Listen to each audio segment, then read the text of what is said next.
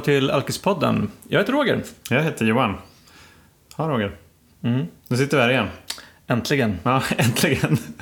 Ständigt denna podd. Ja. Hur, eh, vad ska vi göra idag Johan? Ja, idag ska, vi, eh, idag ska vi prata med en gäst som vi har med i samtalet. Mm. Som heter... Emelie Olsson heter jag. Grymt. Välkommen Emelie Olsson. Tack snälla. Och tack för att ni gör det här. Mm. Ja. Eh, jättekul att du är här. Du kan väl berätta vem du är? Mm. Eh, Jag heter som sagt eh, Emelie Olsson. Jag är 23 år gammal. Har bott i Stockholm i ungefär tre och ett halvt år. Kommer från en lite mindre stad som ligger utanför Göteborg. Och eh, jag är väl här för att jag har vuxit upp som anhörig till en alkoholist och också till en drogmissbrukare. Vilket är ju såklart väldigt likt på många sätt. Mm. Ehm, Så jag skriver väldigt mycket om eh, alkoholmissbruk eller att vara anhörig eh, och medberoende. Och sen så har jag också precis startat en podd som heter Missbrukspodden som jag ska berätta lite mer om senare. Det är, ju, Det är grymt. Ja, skitkul. Kul och kul. Så Eh, jävla viktigt. roligt med missbruk. Ja, men, det är väldigt viktigt. Eh, eh, Och jag tycker att det är så fantastiskt att få, nu när vi har kört den här nu några månader, att få träffa lite fler människor som håller på med och pratar om samma ämne. Eh, Och eh, vi har ju snackat lite tidigare här och vi har ju berättat att vi har fått ganska mycket frågor om just det här med anhörigskapet. Därför passar det jättebra att du är här idag, tycker jag. Och eh, tänkte väl bara så här släppa, släppa dig lös, jag på att säga. Prata lite grann kanske om, om, om dina erfarenheter kring att vara anhörig. Lite grann som du vill. Så att, eh, kör på. Absolut. Vi, vi, vi lovar att ställa frågor. Ja, tack. Tack, hjälp mig. Nej, men... eh, Ja. Det är ju väldigt många som eh, har frågat mig såklart hur det är att vara anhörig och det är hur det är att vara medberoende. Och eh, jag vill också tillägga att man kan vara medberoende utan att ha en relation till någon som har ett missbruk. För det är ju väldigt mycket ett beteende hos människor. Hur tänker du då? Ja, berätta, vad, vad menar du med det? att man kan ha exakt samma vad ska man säga, symptom som man får av att vara medberoende. Det är det här med att till exempel alltid sätta sina behov eh, liksom sist. Ja, okej. Och att eh, man älskar någon villkorslöst trots allt skit som den utsätter en för. Det där kan nog många känna igen sig i utan att ha ett, faktiskt ett medberoende. Så man kan vara medberoende utan att, ja, Men då skulle man kunna säga att det är på något vis ändå kanske ett känslomässigt medberoende utan att man har någon som missbrukar någon drog eller mat eller vad det nu kan vara. Ja, ja, precis. Men jag hade ett sånt väldigt eh, tydligt ögonblick och faktiskt någonting som har påverkat mig mer än någonting annat i mitt liv som jag nästan tänker på varje dag. Och det var till följd av såklart att jag har varit anhörig och fortfarande är anhörig till en alkoholist så fick jag ju ganska mycket psykiska problem som många andra. Jag eh, gick in i en väldigt djup depression och jag fick panikångest. När var det här då? eh, ångest. Det här var 2013 tror jag. Och så samma år som jag tog studenten 2014 då gick jag till en psykolog för första okej. gången i vuxen ålder. Aha, jag var ju fortfarande var jag 18-19 år eh, med- och hade varit hos bland annat barn i missbruk eh, när jag var mindre. Men då gick jag till en psykolog för första gången i mitt liv. För att jag har alltid fram tills dess varit den här personen som har eh, förnekat att jag påverkas av att min mamma har varit alkoholist. Jag har vägrat att förlika mig med det och identifiera mig med det och jag har suttit väldigt mycket stolthet i att andra har sagt att "Men du är så himla stark och du låter ingenting påverka dig och, och så. Och då när jag var 18-19 och satt hos den här psykologen och var helt, jag fattade ju inte riktigt eh, varför jag mådde så jävla dåligt. Varför jag helt plötsligt som 18-åring började sörja att min mamma var alkoholist. För mig var det jättekonstigt. Alltså, det här har jag ju levt med hela mitt liv. Jag kan ju inte helt plötsligt börja må dåligt över det här. Det är ju jättekonstigt. och, och då var det, men liksom alla runt omkring mig var ju mer så här, det är klart som fan att du mår skit. Mm. Men jag ville inte kännas vid det. Och då så sa den här psykologen någonting som verkligen var ja, men så här, någonting av det hårdaste jag har hört i hela mitt liv men också det viktigaste då med tanke på hur mycket det har påverkat mig.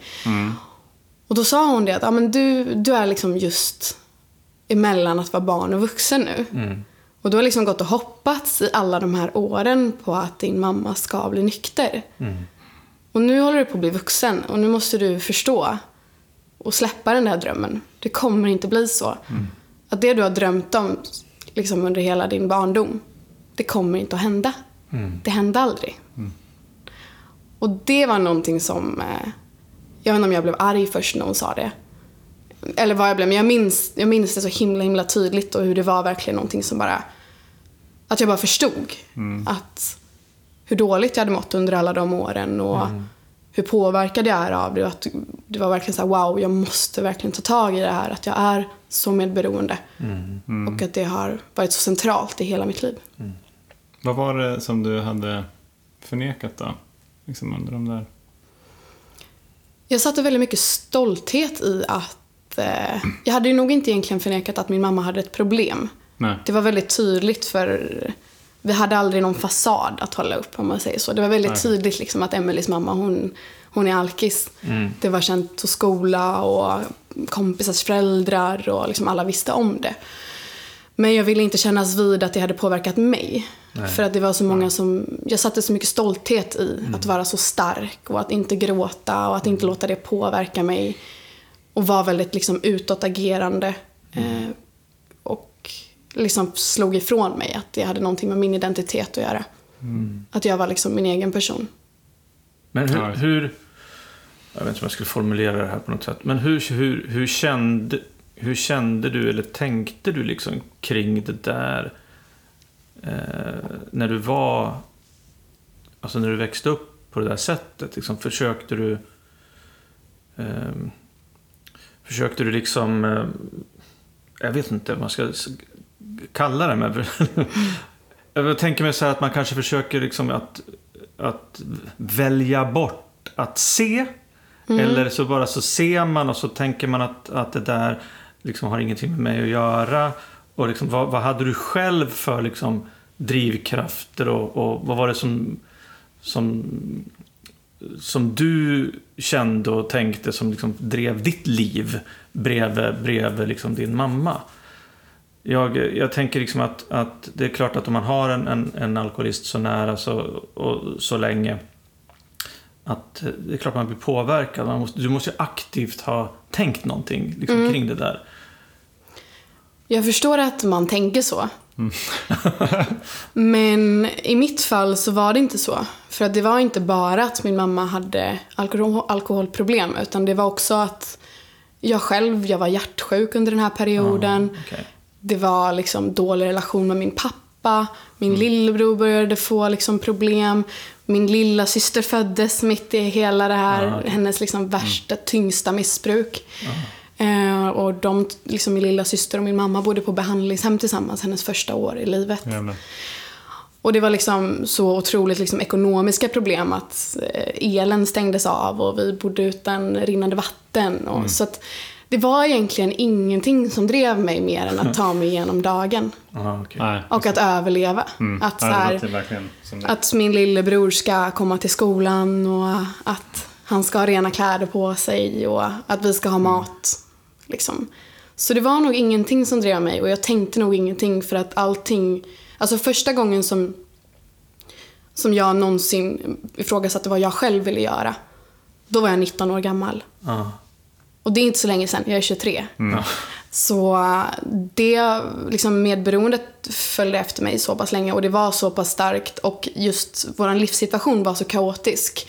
Att det fanns aldrig något utrymme att tänka på vad som drev en fram. Eh, och så. Eller reflektera över en situation ens. Det fanns inget utrymme för, att, för några egna känslor. Och det var därför jag förmodligen aldrig behövde ta tag i dem heller. Shit, vad starkt. Ja, det är helt... eh, Tack för bra svar, eller vad eller Men... eh, Ja, Har du fler frågor? Eh, ja, det är så svårt, är svårt för mig att att liksom föreställa, föreställa mig hur, hur man ens klarar av en sån, ett sånt liv. Ja, verkligen. Men du pratar ju om att du satte ditt eget, dina liksom, egna behov sist. Liksom.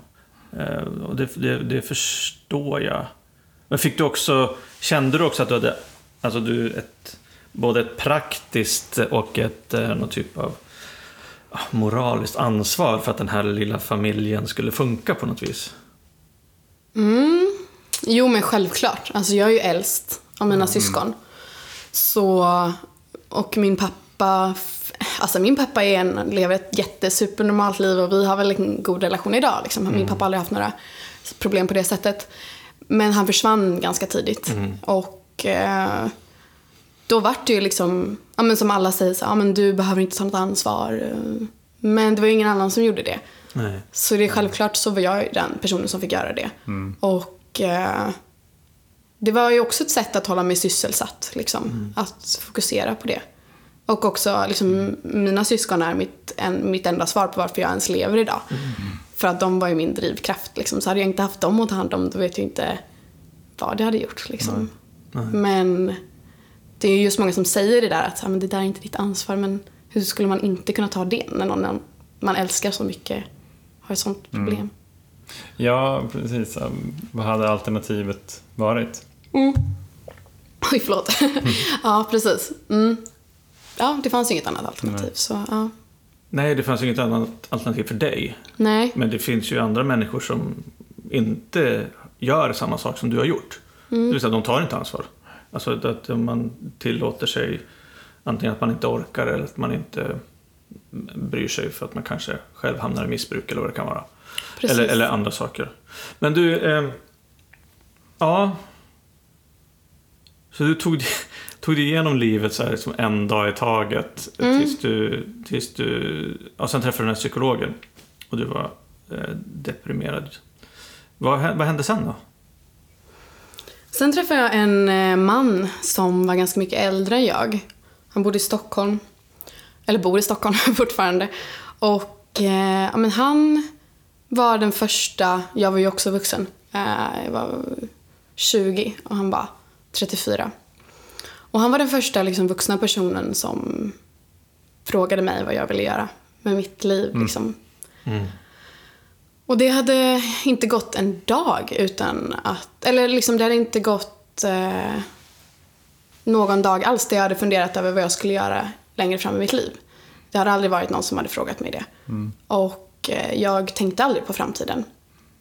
För jag tror liksom att vara just medberoende och anhörig, det handlar nästan, det handlar som sagt bara om att åsidosätta sig själv och att, och att släcka bränder hela tiden. Ja, just. Och det som är här och det som är nu.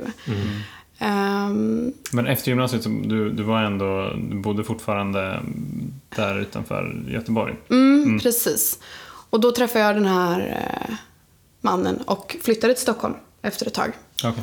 Och hade väl lite planer på vad jag ville göra och liksom började få distans till att ha varit så medberoende till en alkoholist under så många år.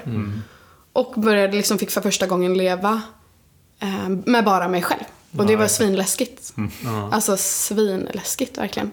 Ja, det förstår jag. Och jag tänker också på den här geografiska distansen som du skapade då. Och då tänker jag på att du, du hade, gjorde allt liksom för dina syskon.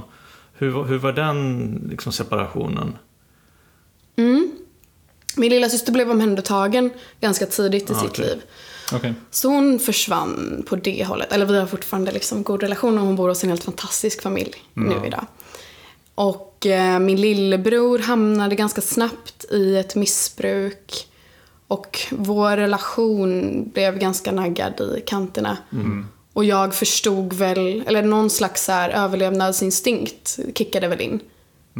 I att ja, men nu har jag funnits där för alla andra människor under så här lång tid. Och nu är det dags för mig att göra det som jag vill. Ja.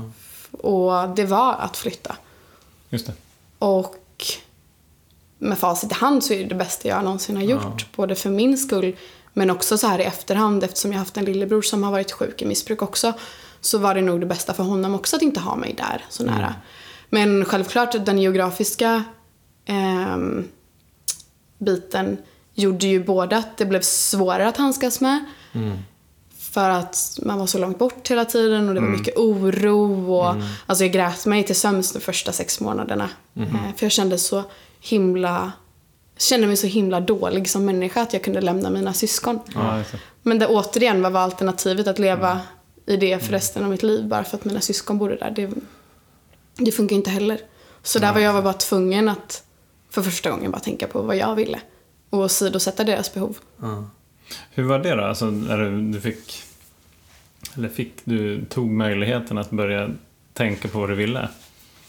Mm, vad tänker du då? Ja, men jag tänker eh, om liksom, allt som man inte har gjort är någonstans kan, kan, kan uppfattas svårt eller läskigt eller det är i vart fall nytt. Um, jag menar, hur, hur var det för dig? Då när du... Nej men det var häftigt. Alltså det var ju häftigt att få så mycket självförtroende i det att, att jag har min egen identitet som jag kan bygga upp med allt vad det innebär. Och jag har massa egna åsikter, och, eller åsikter har jag alltid velat, eller har haft, men eh, och massa saker som jag har velat göra. Och eh, alltså innerst inne liksom. En väldigt sån tydlig grej i hur, hur lite liksom jag tänkte om mig själv då var att när jag fick den här frågan då av min dåvarande pojkvän när han undrade, eller frågade mig vad jag ville göra med mitt liv. Och jag sa att ja, men jag hade velat bli psykolog. Mm. Och så sa han, ja, men varför ska du inte bli det? Så sa jag att ja, men det är ju för folk som är smarta liksom. Och, så. och då blev han ju svinarg. Och sa att ja, men du är ju en av de smartaste människorna jag har träffat i hela mitt liv. Varför skulle du inte kunna göra det? Men det är för sådana som är akademiker, jag kommer från en sån familj. Och Ja, jag visste inte ens vad universitetet var när jag var 19. Så äh, det säger ju en del liksom om hur lite centralt det var i mitt liv med framtiden. Men det var mycket saker som var häftiga och framförallt så var det ju häftigt att eh, få bli en del av eh, hans familj som var väldigt normal och välfungerande familj och se, för det är ju någonting som man som ehm, ett vuxet barn, som det heter, blir att man hela tiden gissar sig till vad som är normalt. I att så Ja, här, det. så här hade andra människor det och så här gör de och man liksom tittar på hur folk gör hos andra familjer och så lär man sig liksom att det är så här man ska vara och bete sig. Mm. Så, nej men det var mycket saker som var läskigt och det var, nej men det var läskigt att bara känna efter saker Mm. och förstå att jag hade ett eget medvetande tror jag. Det tog väldigt lång tid för mig att hitta något lugn. Ja, fast, fast ändå inte. Tänker jag, tänker att du har ju... Jag, jag tänker ändå så att du har kommit väldigt långt på ganska kort tid. Jag menar, det, du är 23 nu och det här hände när du var 19-20 liksom. Så att det, fan, det har ju bara gått tre år. Fast procentuellt så är det ju ganska Jo, mycket ja, längre än ja, för i och er. Sig, I och för sig, i och för sig. Men, men ändå liksom att, att du måste ha... Eh, du måste ha f- alltså förändrats väldigt mycket på kort tid. Mm. Hur, var- hur, var, hur var den processen liksom? Alltså kände du, var det bara liksom nyfikenhet och glädje över att kunna liksom bli någon annan? Eller var det liksom mycket ångest i att inte veta eller vara osäker på var, var du var på väg någonstans? Nej men det var svinhäftigt. Alltså det växte ju så det knakade i min hjärna och det gör nog Ja. det fortfarande tror jag. Ja. Eftersom det är som att jag behöver liksom lära, ja, men så lite som folk som måste lära sig att gå igen. Att, att jag förstår att jag har säkert haft massa liksom, verktyg och eh, talanger som jag bara inte har haft tillgång till. Och det, var ju, alltså det har varit läskigt att förstå framförallt att nu är jag den enda personen som kan förstöra mitt liv. Att eh, då har inte jag någon annan att skylla på. För så har det varit väldigt mycket. Att jag har kunnat liksom, i skolan skylla på att min mamma har problem och så har de sagt du behöver inte göra någonting. För vi vågar inte prata om din mammas alkoholproblem. Så vi bara låtsas Nej. som att det inte finns och så skiter vi i din skolgång. Och så blir det ingenting mer med det. Men att förstå att ja, men nu är jag en vuxen person. Och eh, det är bara jag som har liksom, ansvar för mitt eget liv. Ehm, men också att förstå att dels att som sagt att det har påverkat mig så himla mycket. Men att jag är så himla mycket mer än att bara vara mm, liksom någon som har varit anhörig till en alkoholist. Precis, Och, det var så precis jag tänkte på det. Om du definierar dig som, som det nu. nej. Du gjorde det knappt när du var det. Nej. Nej, men det är väl klart att i situationer där det blir centralt, liksom, som i, liksom i relationer och, och så. Till exempel så har jag ju den här strävan efter att För när man älskar någon som är alkoholist, då är det den, det är den starkaste kärleken man kan få tror jag. Det har ju... Att få den liksom bekräftelsen från någon som har ett missbruk Mm. i att den liksom i perioder kan vara så här, men nu ska jag sluta dricka. Mm. Och bli lovad det. Det är så jävla starkt.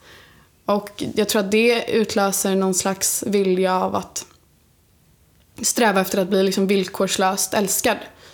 För det är lite så man älskar en alkoholist. Eh, Eftersom man blir så liksom medberoende i den personens tankar och känslor. Så jag tror att man får en ganska störd bild av att älska. Eh, Så i det, i det syftet så identifierar jag mig som det. Men det är ju inte så att jag är så här på en arbetsintervju bara, mm. jag är 23 och min mamma är alkis liksom. Eh, Ja, precis. Det, är- det är väl inte det första vi brukar lyfta heller. Eller jag gör inte det i alla fall. I eventuella arbetsintervjuer. Att jag är alkoholist. Till Nej. exempel. Eh, nej. Jag vet inte hur det är för dig Roger. Men jag, jag tänkte på en grej. Hur jobbar du med... mm, Eller liksom arbetar du med den, det här medberoendet idag? På något sätt. Ja, ja men det gör jag. Det gör jag faktiskt. Framförallt när det kommer till eh, dating tror jag. Okej. Att så här, inte göra saker som jag inte vill. Eh, för det är någonting, något som man får väldigt starkt, det här att vilja vara till lags. Mm. Att hela tiden man anpassar sönder sig i att, ja ah, men nu känner inte alkoholisten för att göra det här, men då gör vi inte det. Och nu eh, är hon på så himla bra humör, då tar vi inte upp det här. Och nu Ah, känns det okej. som att allting kommer bli bra på det sättet och om jag bara gör det här då kommer det bli bra. Och liksom, men man åsidosätter sin egen vilja som man- vi pratade om tidigare. Så framförallt liksom när det gäller ja, men dating eller eh, sådana sammanhang i där man måste ifrågasätta hela tiden. Så här, men vill jag det här? Ja, just. Att komma fram till om man faktiskt gör det eller om man vill det för att man känner en skyldighet mot den andra personen. Eh, att man måste göra saker. Men klarar du av liksom att utvecklas i det här själv? Eller liksom...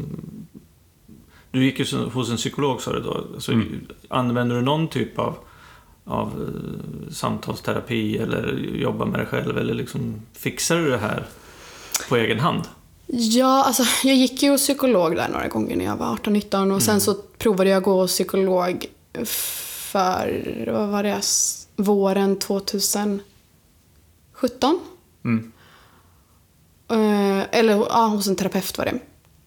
Men alltså jag tyckte det var så jävla dåligt. så, eh, nej men det är väldigt stor skillnad på terapeuter och psykologer också. Och eh, hon var så här. Det första hon sa, alltså jag har som ni hör, jag har en väldigt lång och konstig historia liksom.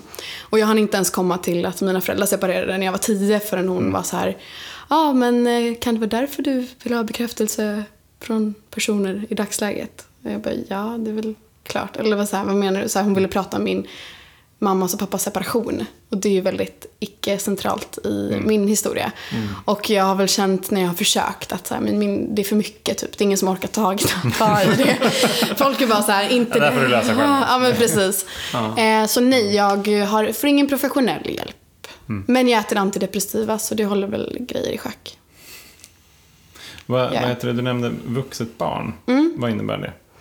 Men vuxet barn är när man, eh, ens utveckling som barn har blivit så hämmat att man aldrig har fått vara barn. Man, den, hela den identiteten som barn och det här liksom barnsliga och livliga och liksom fantasifulla, lekfulla.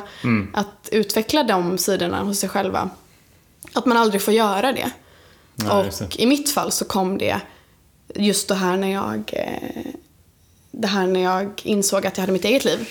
Då kom ju också en väldigt stor period för mig att eh, själv liksom tänka att men nu har jag ingen annan att tänka på, nu kan jag eh, Ja, gå ut och kröka hur mycket jag vill, jag behöver inte ta ansvar för någon, jag kan bara, nu är det min tur att få vara ung och liksom få ta Mm. revansch för den här tiden, för det hade inte jag fått göra. Och ehm, Fan vad var det jag sa? Innan det. Ta revansch för den här tiden. Och, Innan det. ehm, Men att du inte hade fått vara barn? Ja, Ja, precis. precis. Förlåt. Ehm, ja, så när man då blir vuxen så kan det ju alltid vara att det är alltid det hämmat, det barnet. Eller att man liksom på något sätt lever ut det då. mm. Så det är, man kan använda vilken term man vill för det. Alltså, det, jag tycker att det är så spännande och det här är ju, det är ju någonting som, som vi hör alltså, även, alltså, många alkoholister berätta om att de är uppväxt i alkoholistfamiljer och sen så, Mm. så blir man alkoholist själv.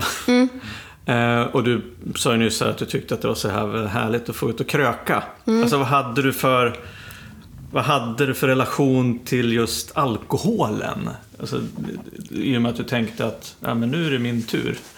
Kände du liksom att, att du var på väg någonstans dit du inte ville vara på väg? Eller tänkte du att nu ska jag ha kul utav helvete och jag har koll på det här? Alltså jag vet inte. Jag har nog alltid haft eh, en konstig rela- inte en konstig relation till alkohol men har man vuxit upp med en alkoholist eller har man haft en relation till en alkoholist då har man en relation till alkohol oavsett man vill eller inte. Man kan liksom inte ifrånsäga sig den, Nej. det epitetet liksom. För att oavsett vad så kommer jag alltid få höra ja, men tänk på dina gener eller tänk på Ja, det. att du har varit tillsammans med någon som har så. Så man ställs ju alltid i relation till det, så det blir en identitetsgrej. Och jag har ju druckit alkohol sedan jag var 13 år. Eh, det är ju alldeles, alldeles, alldeles för tidigt. Men vi hade en väldigt märklig liksom, alkoholnorm i en lite mindre stad och sådär, så att alla drack väldigt mycket. Liksom. Men sen då när jag, eh, som sagt, blev liksom fri från allt ansvar och allt sånt där. Då var det som att jag eh, kände att ah, men jag får göra det här ett tag nu. Jag får vara så här ansvarslös och jag får, jag har rätt till det. Liksom, och släppa det. Och det var som att under den här perioden också jag hade liksom ingen relation till min lillebror riktigt. Jag hade, det var ingen som höll koll på mig. Jag var så jävla själv i det. Jag, Det var ingen som såg. Om jag, alltså om jag skulle ha liksom börjat knarka då så är det ingen som hade märkt det. Eh, Men kände du liksom ändå, det som du säger, att du nu du hade en chans liksom, Ja, ja, att göra det här? Och det är nu- ändå ganska skruvat att, att, i och med att du vet vad konsekvenserna kan bli. Mm. Och ändå att, att, du, att du tycker liksom att nu jävlar, nu kör vi. Ja men det är jättekonstigt. Jag håller med. Ja. Ja, ja, Det- ja. ja. Men, alltså, det är, ju- och det, det, men det är inte ovanligt. Nej. Nej. Absolut inte. Nej, men där är det ju, jag har ju en väldigt så stark beroende personlighet.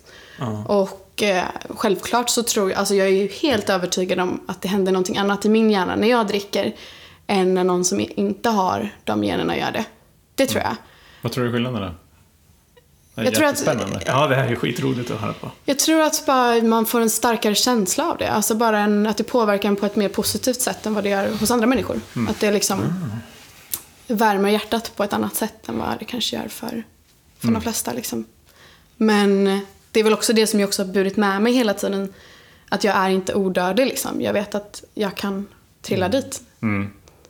Och att jag förhoppningsvis märker om jag gör det. Mm. Vilket jag tror. Ja, men, eh, ja förhoppningsvis. Åtminstone någon gång. Men jag tänker så här, eh, eh, vad fan var jag inne på nu? Jo, eh, men fick, när du drack, kände du dig liksom också att du var på ett bättre ställe? Eller när du dricker, du dricker väl lite till och från? Jag dricker ju fortfarande Ja. ganska mycket. Men, Eh, men, Men är det liksom en flykt eller är det bara skönt eller är det liksom, får du andra känslor? Slipper, är det någonting du slipper eller flyr från liksom? nej, alltså, nej, alltså det är inte så att jag mår bättre av det. Det är det inte. Så var det förr, absolut. Alltså verkligen. Då var det så här. Så var det förut. Ja, Ja. verkligen. Eh, nu har jag ett så himla fint liv och jag mår så otroligt bra idag. Så jag tror ingenting kan toppa den känslan riktigt. Eh, nu är det väl mer att man har lite roligare med sina vänner och att det finns så mycket, som ni säkert också kan känna, tror jag. Eller så här, att det fanns väldigt mycket kul i det också, eller? Absolut. Ja, Att ja, dricka, ja. såklart. Ja, det var därför, alltså det, det är också... Jag har aldrig hållit på så länge. Nej, precis. Men det är därför också som man, man tänker sig att det, det kan ju vara... Alltså att folk... Det borde ju folk fatta. Att, det, att man håller inte på att dricka liksom i år ut och år in för att man känner sig som en jävla... Nej. Så att för att man hamnar i misär när man dricker. Man kanske hamnar där till slut. Men man gör det ju i början för att man mår bra, man mår bättre, man har kul. Och liksom till en början, man har mitt, mitt drickande var väl, tyckte jag i alla fall, ja, men ganska normalt alltså, till, till att börja med. Sen utvecklade jag liksom ett, ett sjukt drickande innan jag slutade. Men, men det är klart att det fanns Alltså det är därför det funkar. Därför att det finns ju någonting som är positivt och kul och bra i alkoholen. Eh, oavsett om man är en normal drickare eller alkoholist. Till att börja med i alla fall. Så att det, det har jag full förståelse för. Ja, men det, jag tycker ändå att det är helt fascinerande att du har lyckats klara det här, gjort det här själv. Ja, fan- det är nog många fan- som tycker det. Ja, hur, hur, hur lyckas du med det? Att du säger så här, alltså du har, att du har fått ett uh, så jävla bra liv, att, det, att du mår bra, att ingen kan toppa det. Och jag tycker att det är så här, Det är helt orättvist, du är bara 23. ja, Du ska må skit. Ja, det, är helt, det är orättvist och det är helt så, så här, oförklarligt att du lyckats liksom, gjort, tagit dig dit själv. Jag För, tror... för att jag har ju, och vi har ju, vi har ju liksom insett att vi måste ha hjälp. Ja, väldigt, väldigt mycket hjälp. Ja, väldigt mycket hjälp. Så det är därför tycker jag att jag tycker att det är så här fascinerande att Ja, det är höra hur, fan det, underbart. hur du lyckas med det själv. Mm, något som inte stämmer. Ja. Ja, nej men alltså jag tror att det både är en eh, alldeles för hög och farlig dos av, och det låter ju så här helt sjukt att säga så, men att jag är väldigt självkritisk, jag är väldigt hård mot mig själv. Eh, så det gör ju att man hela tiden analyserar sig själv och ibland lite, lite för mycket kanske.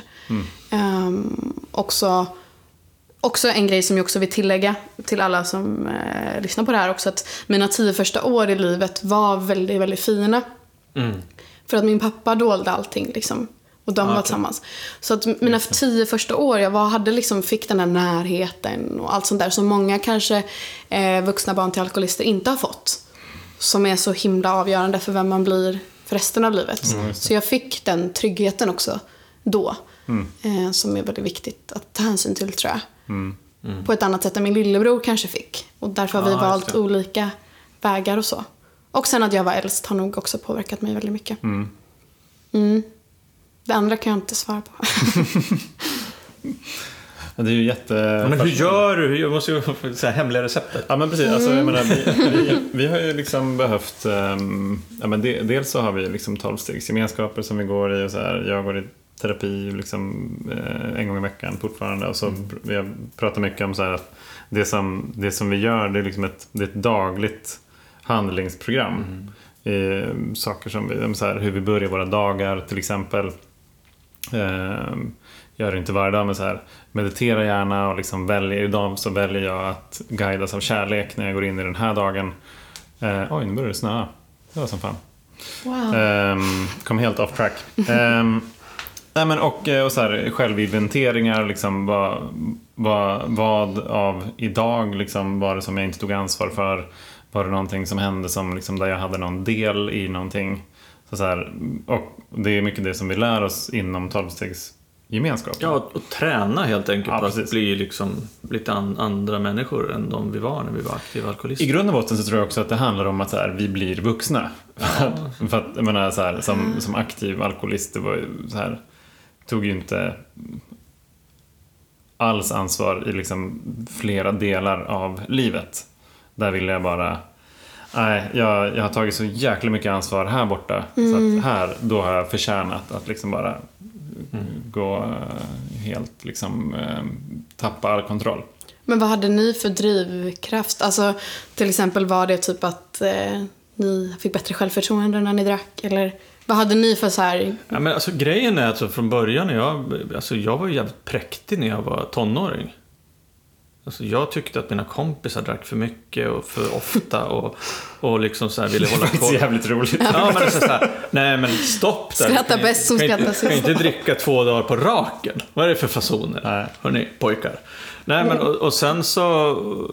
Men det var ändå så, har jag insett i efterhand, att varje gång jag drack så blev jag liksom väldigt påverkad. Och det, kanske precis det som du säger, att det, på, att det gjorde någonting annat med mig än med mina polare. Eller med min eh, exfru eller sådär, familj. Och, eh, men sen så... Sen så blev alltså drivkraften på slutet, det var ju liksom att alkoholen tog över. Alltså vi hade ju inget... Eh, jag kunde inte sätta emot. Alltså det var, jag var ju fången av den här, liksom, den här kraften som alkoholen hade. Liksom. Jag kunde inte låta bli. Så det, det är ju det som är... Som är... Eh, jag vet inte om... Att jag kunde inte låta bli att dricka. Och det kunde jag ju lösa genom att sluta dricka liksom. För att så länge jag inte börjar dricka så behöver jag inte fortsätta dricka. Sen så har ju jag den här sjukdomen, då, både känslomässig sjukdom och mental liksom, besatthet i att liksom, hela tiden behöva dricka nästa gång. Den försvinner ju lite grann, men sen så har ju vi massa issues som vi jobbar med. Ja, I tolvstegsprogrammet till exempel.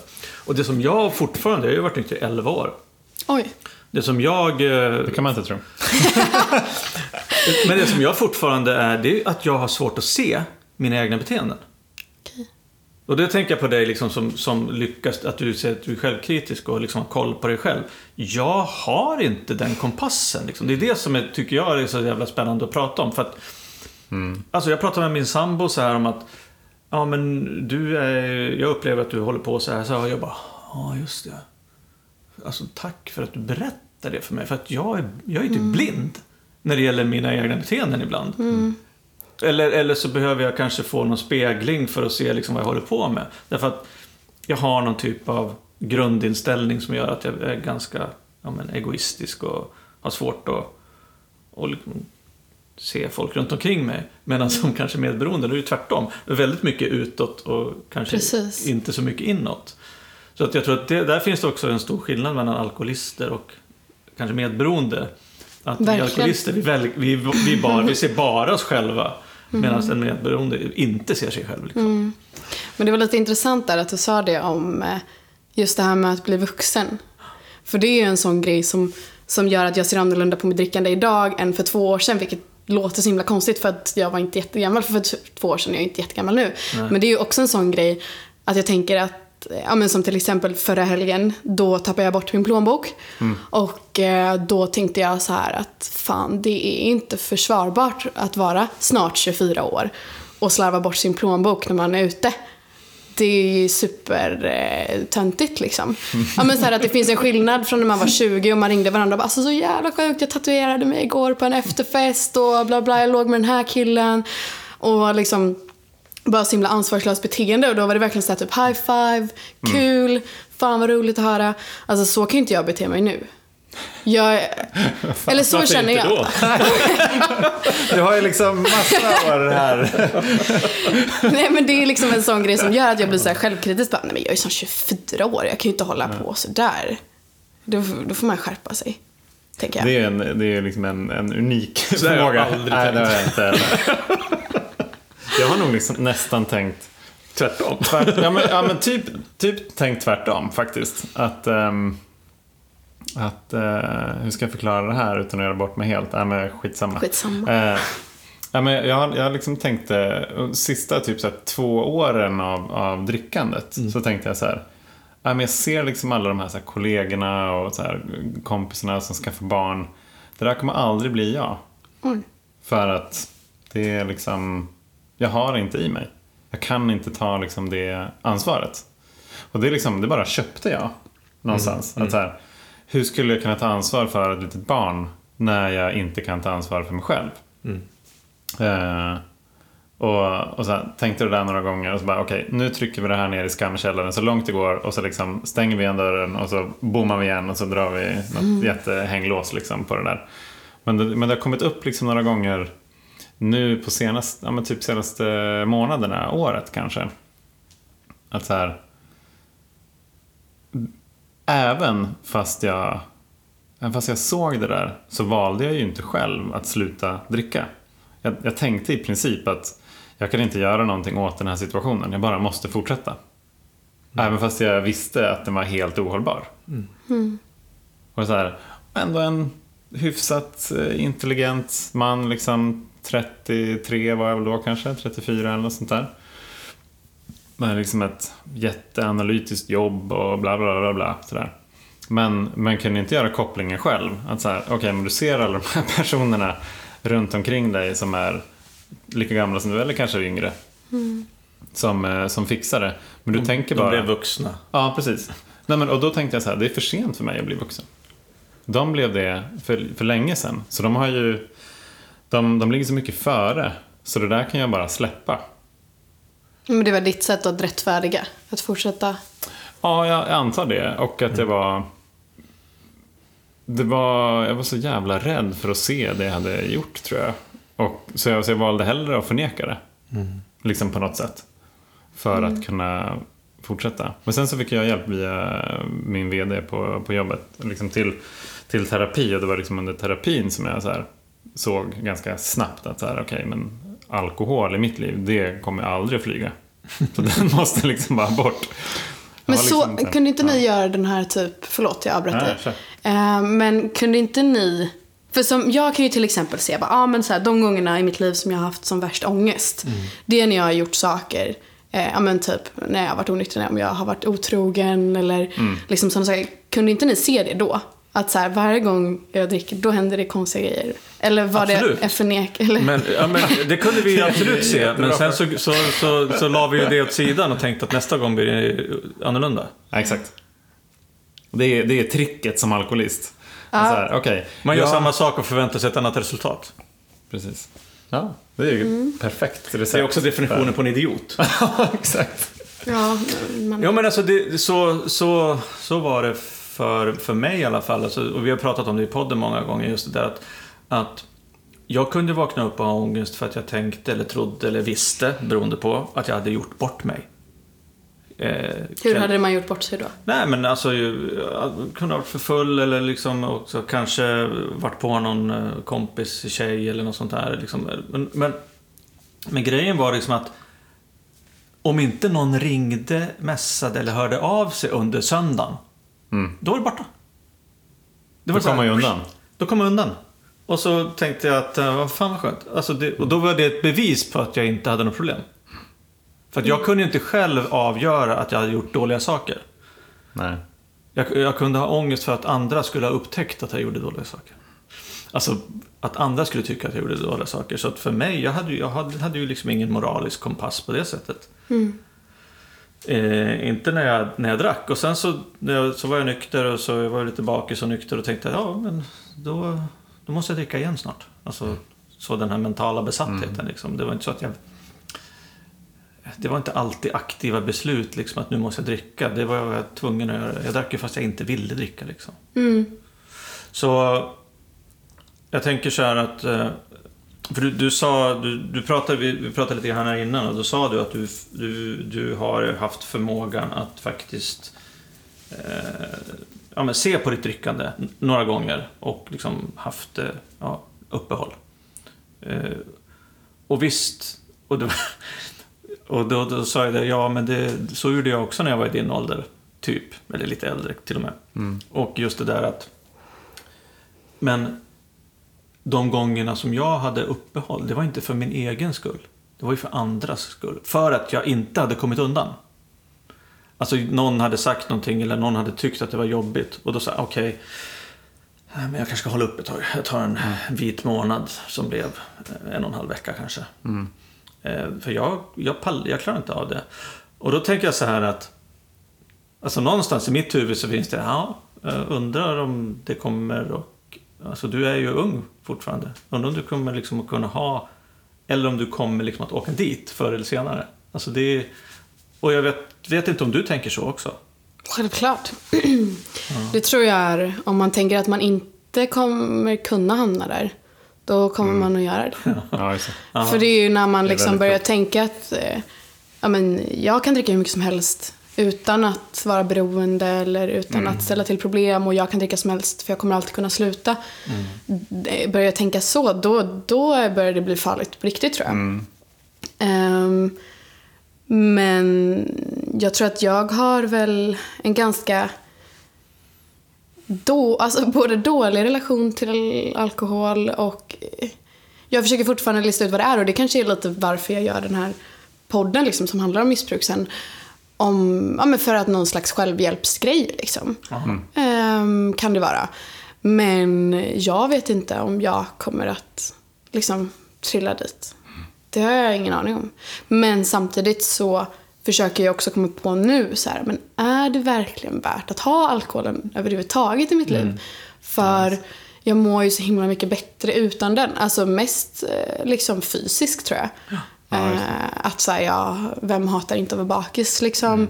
Jag har ett jobb som jag, alltså vissa människor kan ju ta så här fyra öl och sen gå till jobbet dagen efter. Jag känner bara att hjärna blir långsam av det. jag känner att de få gångerna som man faktiskt har sådär svinkul när man är ute är det värt det, för det är inte så många gånger. Ehm, och jag tänker liksom att ja, men så här, det är fortfarande så här, det ökar ju risken för att man ska dumma grejer. Är det värt det? Ehm, och så. Så det är nog någonting som jag ifrågasätter. Liksom. Men samtidigt så har alkohol alltid varit en sån sjukt stor central del i mitt liv. Så jag känner också att det hade varit så jävla mycket att ge upp. Eller så. och nu men sitter ni och bara, jätte- du har alkoholproblem. Nej, men alltså det är jättespännande att du tänker så. Ja. Alltså för att det är ju som du säger, alltså en fördom om anhöriga eller medberoende är ju att ja, men de människorna, de måste ju fatta att de inte ska dricka. Fast ofta så är det ju tvärtom, att man, man kan både dricka normalt men också i en hel del fall drick, alltså man blir alkoholist, eller är alkoholist. Så att jag tycker att det är jättespännande liksom att och jättefint att du är så ärlig med det här tycker jag. Liksom att du ändå tycker att det finns något jävligt spännande och kul och stort i, som är svårt också att säga nej till. Ja, men alltså att, att vara en vuxen människa som dricker alkohol och påstå att det inte finns det, det är ju bara efterblivet. Alltså förlåt, men eh, varför skulle man annars dricka? Ja, exakt. Alltså så här, om det inte hade varit kul, alltså det är ju inte så, okej, ja man kanske dricker ett eller två glas för att det är gott och sen så försvinner ju den förmågan att känna att det är gott. Eh, men alltså det är ju sjukt att inte erkänna som vuxen människa att det inte är roligt. Då kan man ju sitta, då kan man ju gå på nyktra fester om man vill. Testa hur kul det är. Nej, jag skojar. Det vill ju vi starta, nämligen. Nyktra fester. Ja, men jag såg det. Det, det vore ju jävligt roligt. Nej, men jag tänkte, just, just de Mm. Det här frågorna som, som, du, som du ställer dig själv. Det, jag har ju aldrig ställt mig dem när jag var aktiv. Ja. Ehm, för att jag nog inte ville veta svaret på dem. Jag, jag, jag tror också att det är så här att eh, jag hade nog inte förstånd ens att ställa de här frågorna till mig själv. Nej, precis. Alltså jag tänkte inte på, alltså det fanns inte i, min, i mitt huvud att ställa sig de här frågorna att om jag dricker så kanske det här händer, eller är det värt det? Därför att det var, svaret på de här frågorna var alltid ja, liksom. För att jag, de, även om de inte ställdes. Ja, och sen, så, och sen så tänker jag så här att ja, det är klart att, att, att precis som jag sagt nu flera gånger i det här avsnittet, liksom, att ja, det är klart att det är kul att dricka. Men sen, eh, sen kommer det till, till en punkt, liksom för mig åtminstone, där det inte... Jag drack inte för att jag ville ha kul eller för att jag ville bli full, utan jag drack för att jag var tvungen att dricka. Och det, eh, bara som en så här... I efterhand så, jag, så är det ju jättetydligt, så jag kan ju se mönstren, jag kan se när det hände och vad som hände och så där. Men då, då så kände jag så här att då, då märkte inte jag det. Alltså, det- och jag tror att det är också att jag, jag märkte inte att mitt förhållande till alkoholen förändrades förrän jag var ganska djupt nere i ett liksom, tungt alkoholmissbruk. Så jag kunde inte se liksom, den här nedförsbacken. Jag kunde inte ta de här, okej, nej men Roger, nu dricker du öl i bilen. Eh, okej, jag kanske ska sluta dricka. Nej, det var bara så här, "Jaha, okej, men varför ska jag bara dricka öl i bilen? Jag kan ju dricka sprit i bilen. Det var liksom så tänkte jag. Därför att då, då hann jag ju liksom få i mig mer alkohol än om jag ska sitta och trycka i mig massa jävla kolsyrat vatten. Ja, så att... eh, Önskar ni att ni kunde dricka? nej. Nej. Nej. Nej, verkligen inte. Jag, det var, jag var på en fest eh, förra veckan och så var det någon en tjej som pratade om någon, någonting så här, ja men nu håller man på att kolla på om man kan utveckla liksom en eh, medicin eller någonting som, så här, som, som typ ja, men botar det här enzymet eller någonting som liksom alkoholister har, bla bla, vad det nu var. Jag var så här, okej, det vill jag verkligen inte ta. Jag vill liksom inte, för jag, jag, får, jag får så sjukt mycket av att, av att ha ett liv där jag inte dricker. För att det är så mycket grejer som jag måste göra för att inte vilja dricka. Så jag skapar med hjälp av att ja, här, göra den här podden, gå i 12-stegsprogram, jobba i terapi och liksom så här, jobba med de här bitarna. Så jag har skapat ett liv fullt av så jävla mycket kärlek. Och det vill jag inte äventyra på något sätt överhuvudtaget. Eh, och, jag, och jag tror att även fast det inte skulle liksom få direkt samma så här känslomässiga liksom, eh, påverkan på mig så tror jag att eh, ja, att jag ändå skulle vara liksom i riskzonen för att liksom takta ner på de här grejerna som gör att jag mår så Mm. bra idag. Eh, och det vill jag fortsätta göra. Så att, så att det är liksom det var, det var ganska länge sedan som det handlade om att liksom Ja. hålla sig borta från alkoholen utan det är mer det är mer att idag så vill jag ha ett andligt liv liksom. Och det tycker jag är fett. Ja, men det är en jävligt bra fråga det där. Därför att jag, jag håller med Johan eh, ganska exakt i det han säger. Därför att... Och, och, och man tänker liksom också så här, ja... För att för mig handlar det inte mycket, det handlar liksom inte om att vara full eller inte. Det handlar om, alltså vi pratade om det här lite tidigare, det handlar ju om alla de här känslorna. Alltså som, för att om jag börjar dricka, även om jag kan, skulle kunna dricka, så, så, så är ju det att jag har ju ett känsloliv som jag liksom hanterar i min nykterhet och tillfrisknar liksom ifrån alkoholismen. Som, så det, är- det är de grejerna som är viktiga för mig idag, inte om jag får dricka alkohol eller inte, precis som Johan säger. Och där tror jag att jag har så mycket att... Eh, alltså så mycket att förlora på att, på att dricka därför att jag kommer tappa så mycket i, i mig själv. Alltså min egen, den kärnan som jag har lärt mig, liksom att, det som Johan pratade om, så här, kärlek och hänsyn och, och att hjälpa andra och kanske vara liksom en skönare snubbe. Alltså när jag inte... Fingers crossed. Ja, men när jag, alltså, när, och inte bara liksom sluta dricka så. Och det är ju det som vi pratar om, att det är det som vi har fått hjälp med i tolvstegsprogrammet. Liksom. Att utveckla den här känslomässiga eh, delen. För att, och sen är det så här, vad fan, jag har varit nykter över tio år. Jag är vant med att inte liksom dricka. Så att, nej. För mig så är det liksom, det är, alkohol idag, det är alltså, alkoholen i sig är för mig, det är en icke-fråga för mig. Liksom, idag. Mm.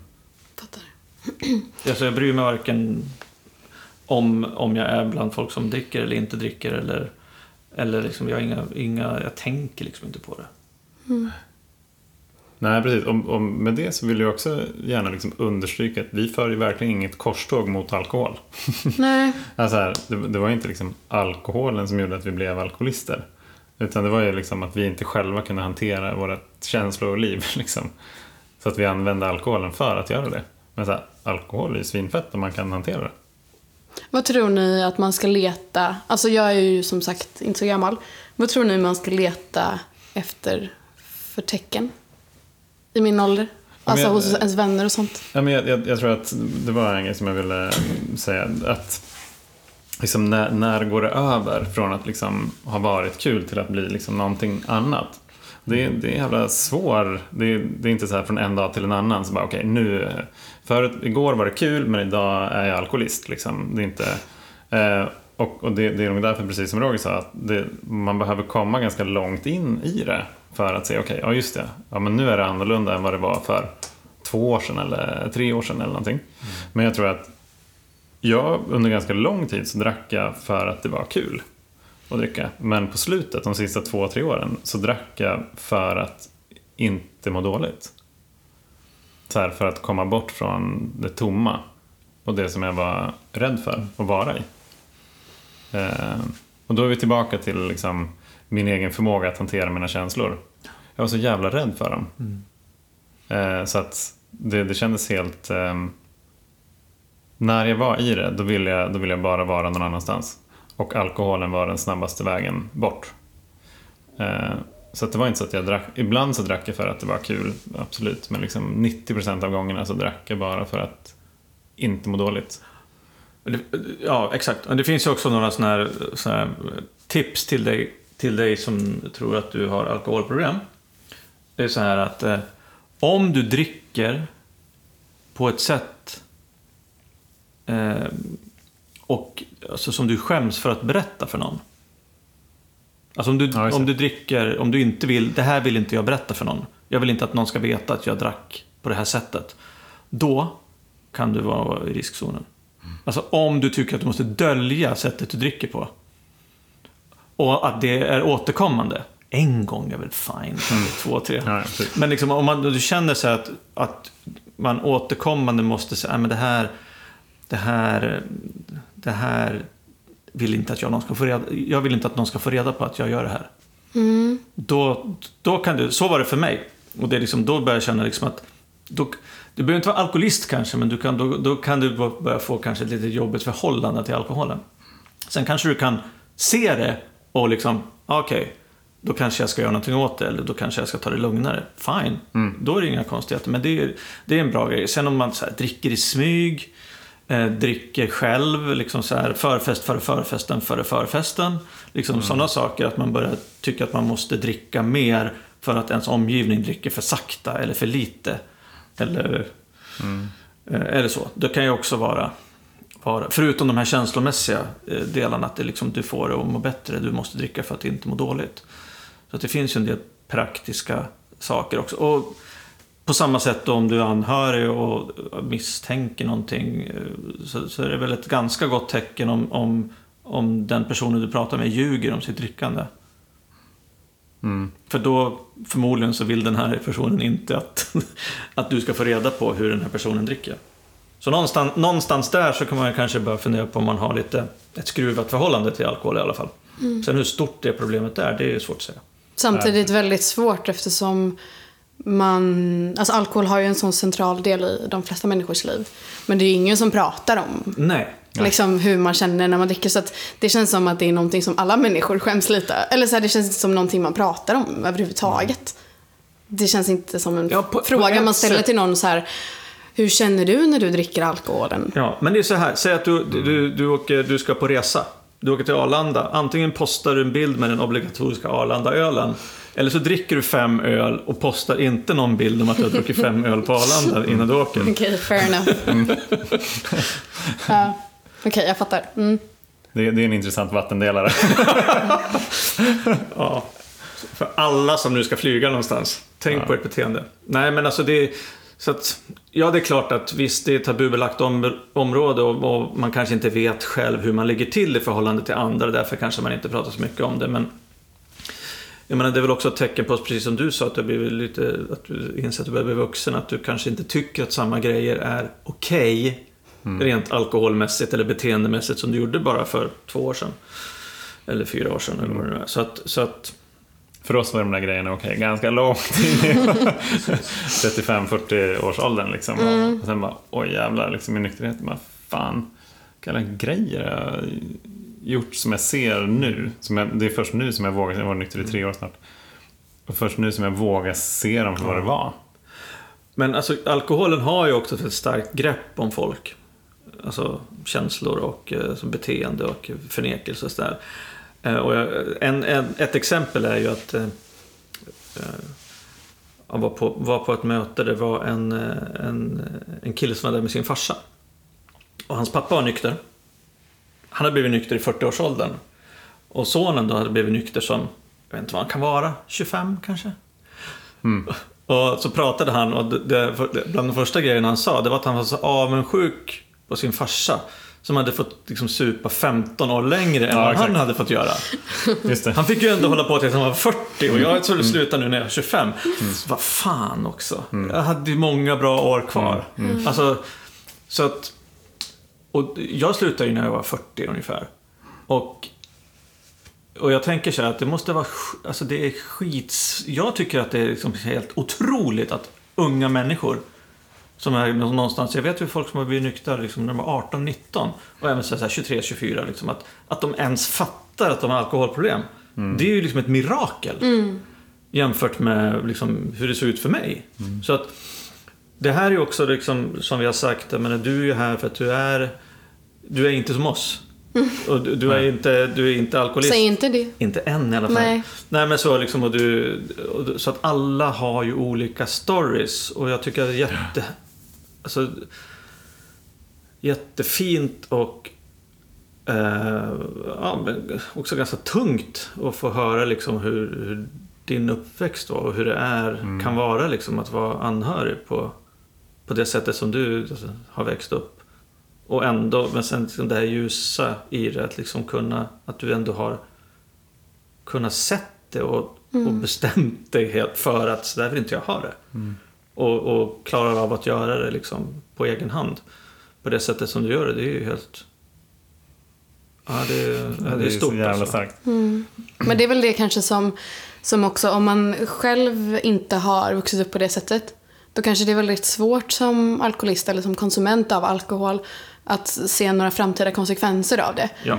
jag kan ju ändå alltid bara så här, ja i värsta fall så blir det så här. Och det är väldigt grafiskt och väldigt liksom känslomässigt för mig. Ja, så jag har ju det så himla nära till hands hela tiden. Ehm, men ja. Jag tänker mm, berätta om eh, Missbrukspodden. Ja. Ehm, jag har ju startat den eh, av många olika anledningar. Ja. Självklart på grund av min bakgrund. Men också på grund av att jag insåg att jag själv hade så mycket fördomar vad gäller missbrukare. Ja, okej. Och, Vad var det eh, till exempel då?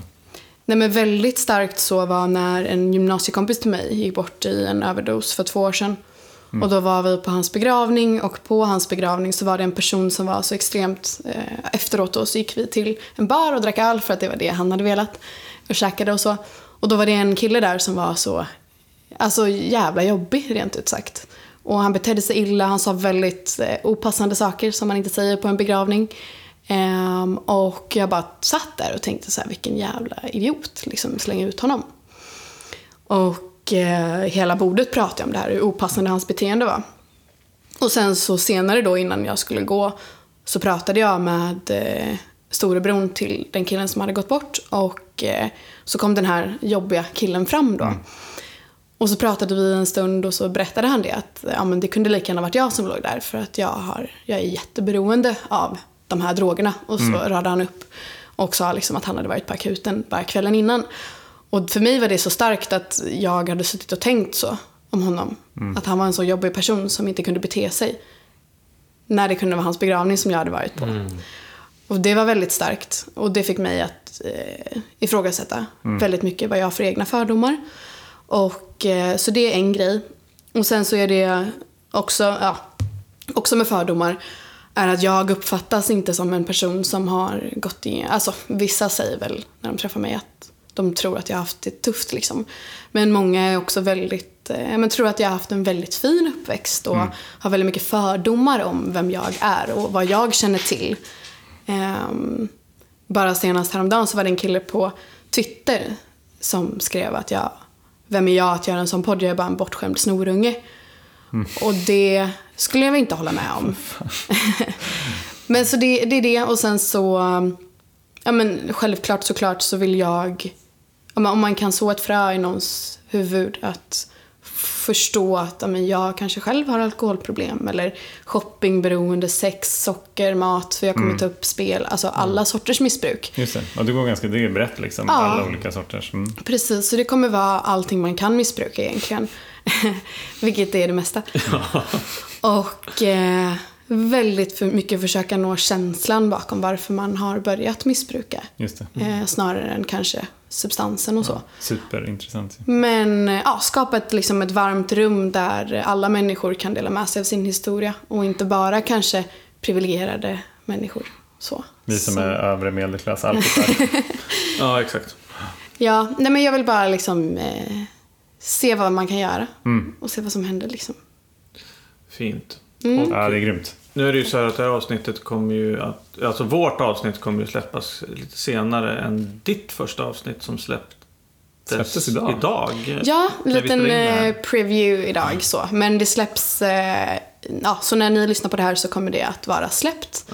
Och det kommer ligga hos Acast, på Spotify och i Podcaster-appen. Ja. Så där kan man lyssna. Och eh, man får jättegärna höra av sig till mig också om man vill vara med eller om man har någon feedback eller om man tycker att jag är dum i huvudet så får man säga det också. Ja, och, vad, och vad hittar man dig då? Ja, var hittar man inte mig? eh, nej men enklast så hittar man väl mig på missbrukspodden snabla emilyolssons.se eller på min Instagram som är snabla emilyolssons.se. Vi lägger upp de här länkarna också. Bra, för det är ingen det- som kan stava mitt namn. Nej. Eh, ja, fan vad... Fan vad Vi kanske skulle ansöka för att vara med i missbrukspodden. kanske. Men det är självklart Får att vi ni ska se om komma. vi blir eh, antagna. Sen vi antagna. Givetvis ska ni Ja. komma. Ja, tusen tack för att jag fick komma hit. Ni är ju helt fantastiska som gör det här. Ja, du, Detsamma. med. Tack för... eh, Alltså den, den här, din, din story kommer nog att leva kvar med mig ganska länge tror jag. Ja. Vad Kul. Det var, ja men Eller bra. tack. Ja. Väldigt gripande, alltså få det från det perspektivet. Jag har aldrig... Mm. Jag har nog aldrig velat tänka på hur det är att växa upp med alkoholiserade föräldrar. Jag har nog Mm. liksom så här, jag har sett det någonstans men jag har velat hålla det på en distans för att jag vet någonstans att det där skulle kunna vara jag Mm. som var den föräldern om eh, det hade blivit så i mitt liv. Och eh, det vill jag verkligen inte se. För att jag tycker att eh, jag kommer, jag kommer i kontakt med så jävla mycket skam i mig själv. Helt enkelt. Ja, nej men det är ju, och det ska nog alla vara medvetna om som eh, har en alkoholiserad förälder eller så, eller någon som aldrig kommer att bli nykter. Att det är liksom, och det kanske också är det som gör att jag klarar av att göra allting som jag gör nu, att acceptera att det är en livslång sorg. Och att det inte bara vara att det är någonting som jag kommit över eller så, utan jag sörjer ju en förälder som lever liksom. Mm, just det. Eh, Wow. Och det måste man nog acceptera tror jag. För att kunna liksom Kan börja bearbeta det. Ja. Är det något mer du vill skicka med till eh, de som lyssnar? Alltså, ganska mycket såklart. Men eh, framförallt så skulle jag väl bara vilja säga att ingenting är pinsamt. Att, ingen, alltså att man aldrig ska skämmas över en känsla eller någonting man har varit med om. Eller eh, någonting man tänker på. För det är någonting som har präglat mig väldigt mycket. Liksom skam och, och så. Att skämmas över mycket saker. Långt upp i min ålder, tänkte jag säga. Men eh, att eh, livet blir så mycket härligare när man är liksom, öppen och ärlig. Och det är klart att det inte är, det är ingen lätt grej. Liksom. Men att, Eh, att inte skämmas bara. Nej, och det är väl också en grej som jag tänker på nu också. Att det är eh, också väldigt bra och stort och starkt av dig också. Att liksom lyfta den här frågan. På det sättet som, som, du, som du har gjort här. Och säkert också på, på andra i, i Missbrukspodden och på andra ställen. Ja, nej, det har varit eh, eh, en eh, både fin och omtum, omtumlande upplevelse att vara med om det här samtalet. Ja. Ni är helt slut nu. Ja, Då förstår ni hur, ni ehm, hur folk känner om jag går till en psykolog. Hur psykologen känner. ja precis. Beware. Ja, men... Ähm, ska vi runda av? Nej, jag, jag tänker inte säga något mer. Nej. En, du, det, var, det var liksom Emily Olsson som fick tyst på Roger. Ja, Det, det förtjänar liksom en liten applåd här. Nej. tack så mycket Emelie. Tack som Ja. fan. Tack så himla mycket. Och ni som lyssnar, eh, hör av er till både oss och till Emelie om ni vill prata om det här eller mer frågor. Så hörs vi nästa vecka. Grymt. Kram. Hej på er. Puss hej!